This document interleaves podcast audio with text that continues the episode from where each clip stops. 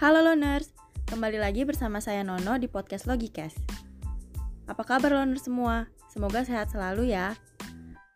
Masih inget nggak nih episode kita yang lalu tentang perubahan cuaca? Nah, udah mulai kerasa kan sekarang? Di episode sebelumnya, menurut BMKG seharusnya bulan ini masih musim kemarau, tapi ternyata udah mulai hujan. Nah, dari perubahan ini banyak banget dampak yang akan ditimbulkan, khususnya wabah penyakit seperti DBD. Loner semua harus selalu waspada dan menjaga kebersihan lingkungan rumah, serta usahakan agar rumah tidak terlalu lembab ya. Cek sekeliling rumah dan pastikan tidak ada air yang menggenang agar tidak jadi tempat bertelur nyamuk. Soalnya nyamuk dapat membawa penyakit seperti demam berdarah.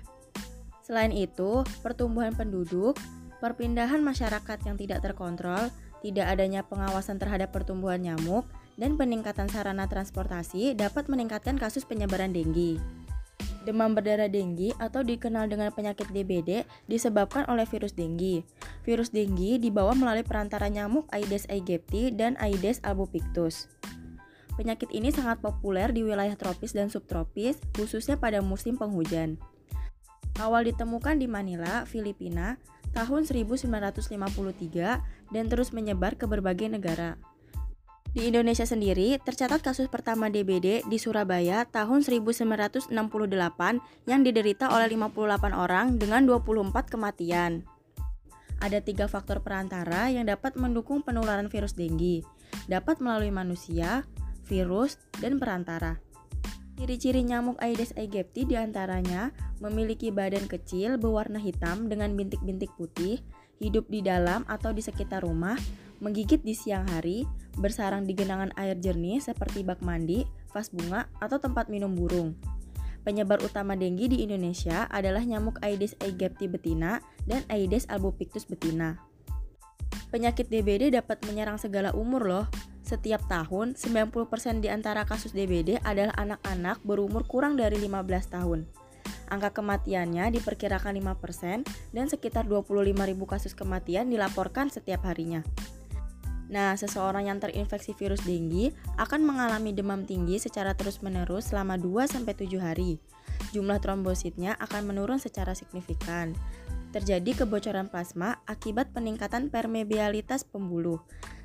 Kemudian akan muncul ruam di kulit hingga dapat menyebabkan kematian. Nah, sekarang kan penyakit DBD ini sedang merebak.